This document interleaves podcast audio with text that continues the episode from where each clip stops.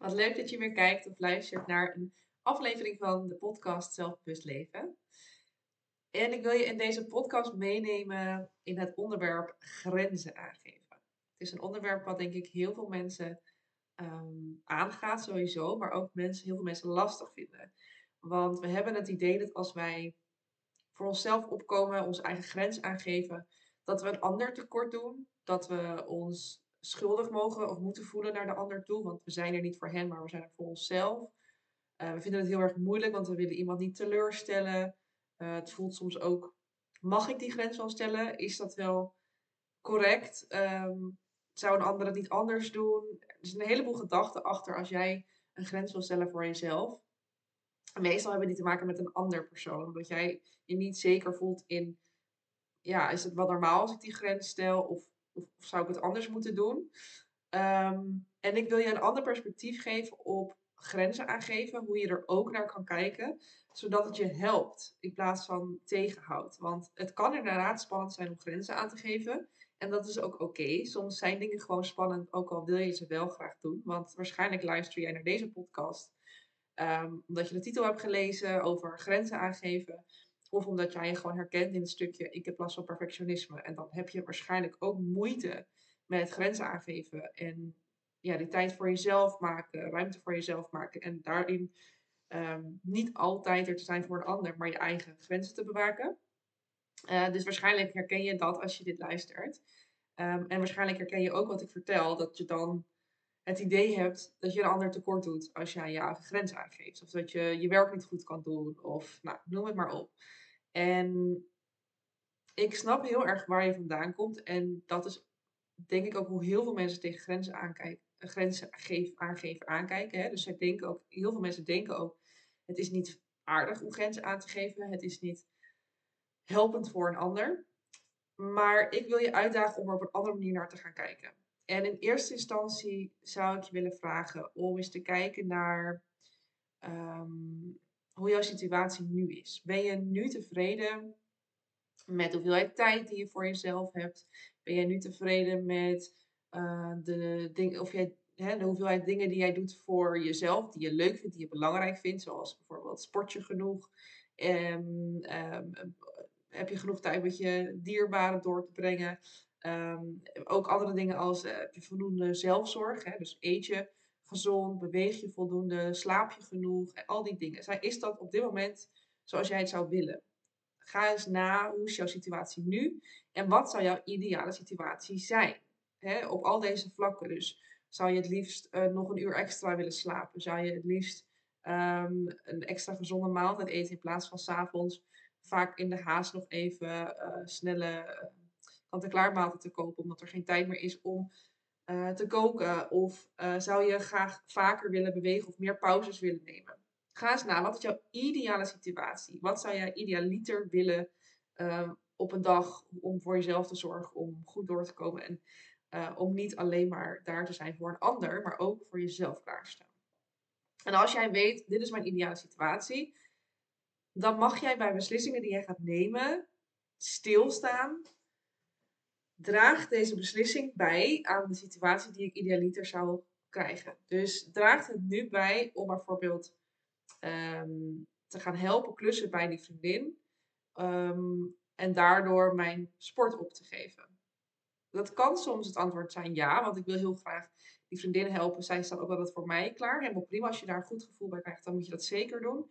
Maar als je merkt, ik wil liever sporten of ik wil liever even met mijn partner uh, quality time doorbrengen, dan mag je dus afvragen: is dit wat ik nu wil doen? Dus allereerst zou ik je willen uitnodigen om bewuster keuzes te maken. Als je voor een keuze staat, ja, je hebt altijd twee opties. Je doet het wel of je doet het niet. En geen is goed of fout. De vraag is alleen aan jou: welke van de twee draagt bij aan de situatie waar je naartoe wil? Jouw ideale situatie. En ga daar eens voor kiezen. Ga dat eens doen. Want uiteindelijk is het jouw leven. En uh, wil je ergens naartoe werken en om naar, dat idea naar die ideale situatie te komen, uh, moet je daar soms lastige beslissingen voor nemen. Maar die lastige beslissingen voelen extra lastig omdat je het idee hebt dat uh, een ander je daarop afre op afrekent, bijvoorbeeld. Hè? of denkt van waarom kies je voor jezelf, je zou, waarom ben je er niet voor mij? Maar vaak zijn dat dingen die wij invullen voor een ander. Dus wij hebben het idee, ik kan die grens niet aangeven, want dan zal iemand het wel vervelend vinden, lastig vinden, mij niet meer aardig vinden. Ehm, maar hou je eens voor, is dat zo? Heb je jezelf wel eens afgevraagd, is dat werkelijk zo? Of is dit ehm, een eigen aanname? Heb je dit ingevuld voor de ander? Heb je die ander dat wel eens horen zeggen? Heb je dat wel eens gevraagd? Hoe, hoe voel je je erbij als ik dat doe? Vind je het oké als ik nu mijn eigen plan trek? Want waarschijnlijk vinden zij dat helemaal niet zo erg. En als je dus op een andere manier naar grenzen kijk, aangeven gaat kijken, dan kan je ook gaan zien dat grenzen aangeven jou een heel betrouwbaar persoon maakt. Waarom maakt het jou betrouwbaar? Mensen weten precies wat ze aan je hebben. Als jij jouw grenzen standaard ja, aan blijft geven, dan weet men, oké, als jij er bent, dan ben je er omdat je er echt wil zijn.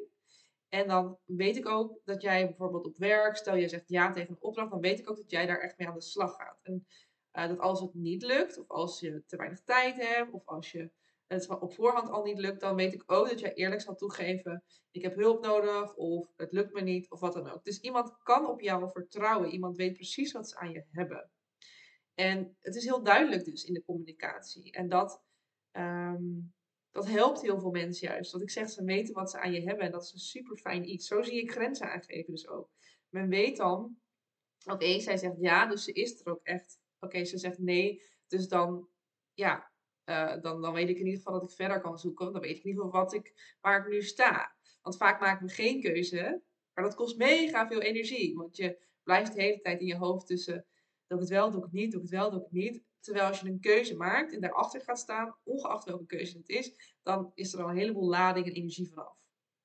Um, ook is grenzen aangeven best wel heel erg inspirerend voor anderen. Want waarschijnlijk vinden zij het ook lastig. Dus als jij je grenzen aangeeft, hebben zij daar, leren zij er wat van. Dan denken ze, oh, oh ja, zo kan je het ook doen. Daar, kan ik, daar kunnen zij weer van leren. Zo mag je het ook wel eens zien. Nou, een andere manier waarop je er naar kan kijken is als jij ja zegt tegen het een, dat zei ik eigenlijk al in het begin een beetje. Dus als jij ja zegt tegen het klussen bij die vriendin, dan zeg jij op dit moment nee tegen het sportavondje of het bankhangavond met je partner. En dat is een vraag die je dus zelf vaker mag stellen. Als ik hier ja tegen zeg, ten koste van wat gaat het dan en is mij dat waard? Wil ik dat? Het is oké als je die keuze maakt, maar doe het bewust. Sta erbij stil als ik hier ja tegen zeg, zeg ik nee tegen iets anders en wil ik dat? Is dat iets waar ik achter sta? Helemaal prima. Als je voelt, eigenlijk wil ik dat niet, dan hoef je, het, dan hoef je er niet voor te gaan. Dan mag jij nee zeggen. Dus ga vaker die keuze bewust maken. En een andere is, als jij steeds maar ja zegt zonder erover na te denken. Want vaak ja, voelt nee al bijna niet eens meer als een, een antwoord dat we kunnen geven. En dan gaat het heel natuurlijk heel snel om meteen maar ja te zeggen en alles aan te pakken. Maar als jij steeds ja zegt, ga jij steeds je eigen grenzen over. En het doel van jouw ja zeggen is waarschijnlijk dat je er wil zijn voor een ander. Dat je iets wil doen voor een ander, dat je klaar wil staan voor een ander, dat je wil bijdragen aan iets groters. En elke keer als jij dus ja zegt, maar je eigen grenzen steeds overgaat, is uiteindelijk het tegenovergestelde wat jij gaat bereiken. Want doordat jij over je eigen grenzen heen gaat, doordat jij moe bent, doordat jij uitgeblust bent, doordat je eigenlijk niet meer kan, doordat je zelf niet meer goed weet wat jij wil en wat, waar jij je goed bij voelt, kan je er ook niet meer zijn voor die ander. Want je kan er beter zijn voor een ander wanneer jij zelf lekker in je vel zit, wanneer je goed voor jezelf zorgt, wanneer je de energie hebt, wanneer je er echt wil zijn, weet je wel? Wanneer jij goed in je vel zit. Dus door continu ja te zeggen en continu allerlei dingen aan te gaan die je eigenlijk niet wil, ga je je grenzen over. Word jij moe, word jij minder energiek en kan je er daardoor dus minder goed zijn voor een ander. En je mag het ook eens andersom bekijken. Dus op het moment dat jij ehm, met iemand uh, samen bent, misschien heb je dat wel eens ervaren, je bent met een vriendin samen en die vriendin die zit eigenlijk gewoon helemaal in haar eigen wereld is steeds met de telefoon bezig. Of uh, je merkt dat ze afwezig is, dat ze met de gedachten elders is. Hoe vind jij het dat zij dan daar is? Terwijl je uh, ja, gewoon merkt dat ze er A niet, misschien wel niet wil zijn. Of B, gewoon niet de energie heeft en je merkt gewoon alles dat ze eigenlijk thuis op de bank zou moeten zitten, even moeten ontspannen. Waarschijnlijk wil jij ook niet dat zij haar grenzen overgaat, uh, omdat jullie nou eenmaal een afspraak hebben gemaakt en ze niet wilde afzeggen, want dat voelt ze vervelend voor je. Maar je merkt alles dat ze er niet wil zijn of dat ze niet zich fijn voelt. Waarschijnlijk zou jij niet willen dat zij er dan toch is. Dan zou je het waarschijnlijk. Tuurlijk vind je het jammer als ze je afspraak had afgezegd. Maar als zij zegt, joh, ik, ik voel me niet lekker, kunnen we het verplaatsen? Dan zou je er ook alle begrip voor hebben. En waarom zou het andersom dan niet zo zijn? Hè? Want wat ik net schetste, als jij, er, als jij zelf erbij zit, terwijl je er eigenlijk geen zin in hebt, dan merkt een ander dat ook. Iemand voelt aan jou dat de energie er niet is, dat je er niet bij bent met je aandacht, dat je inderdaad misschien wel in je telefoon zit of wat dan ook. Het leukste is natuurlijk als je echt contact, echt verbinding met elkaar kan maken. En dat kan niet op het moment dat jij met je energie er niet bij bent, met je hoofd er niet bij bent. Totaal niet meer de energie kan opbrengen om volledig aanwezig te zijn. En dan wil die vriendin waarschijnlijk ook helemaal niet dat je er bent. Want zo gezellig is het dan ook niet. Klinkt een beetje hard als ik het zo zeg. Maar het is veel leuker als je echt bij elkaar kan zijn. En echt met de aandacht op dat moment ook aanwezig kan zijn.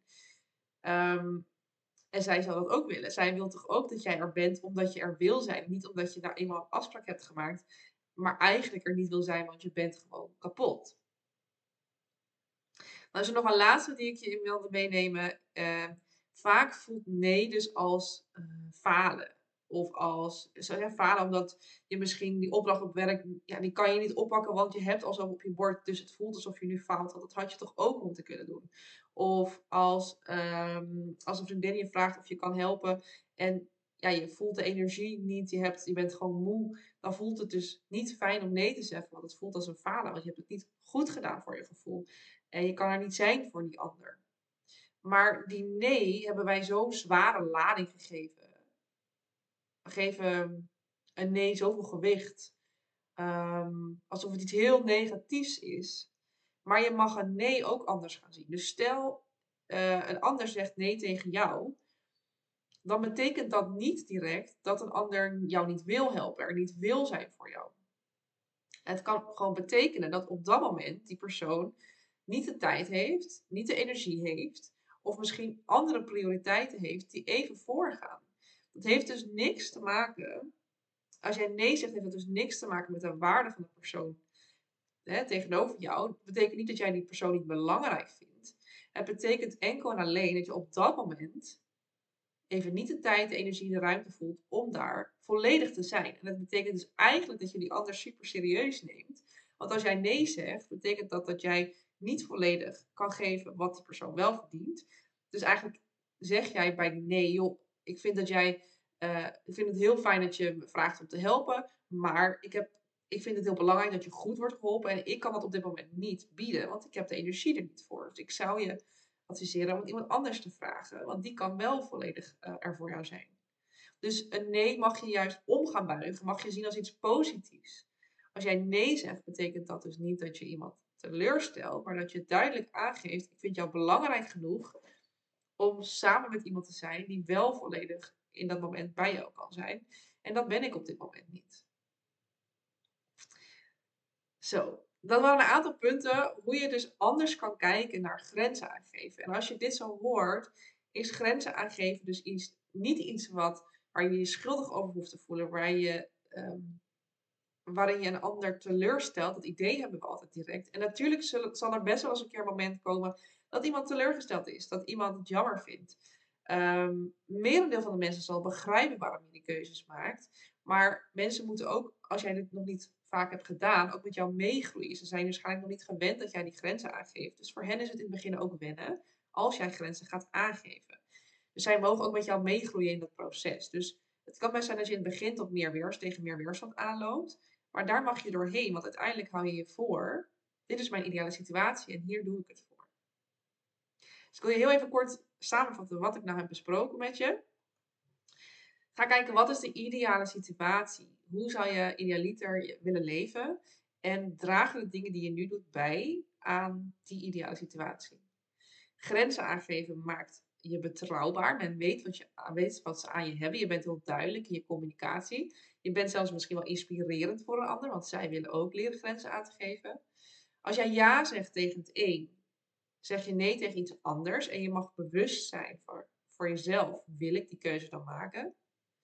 Als jij steeds ja zegt uit uh, gevoel om een ander te helpen, maar daarbij steeds jouw eigen grenzen overgaat, bereik je dus het tegenovergestelde, namelijk dat je er niet kan zijn voor de ander, omdat jouw eigen energie niet goed zit. Terwijl je er beter kan zijn voor de ander wanneer jij zelf ook lekker in je vel zit.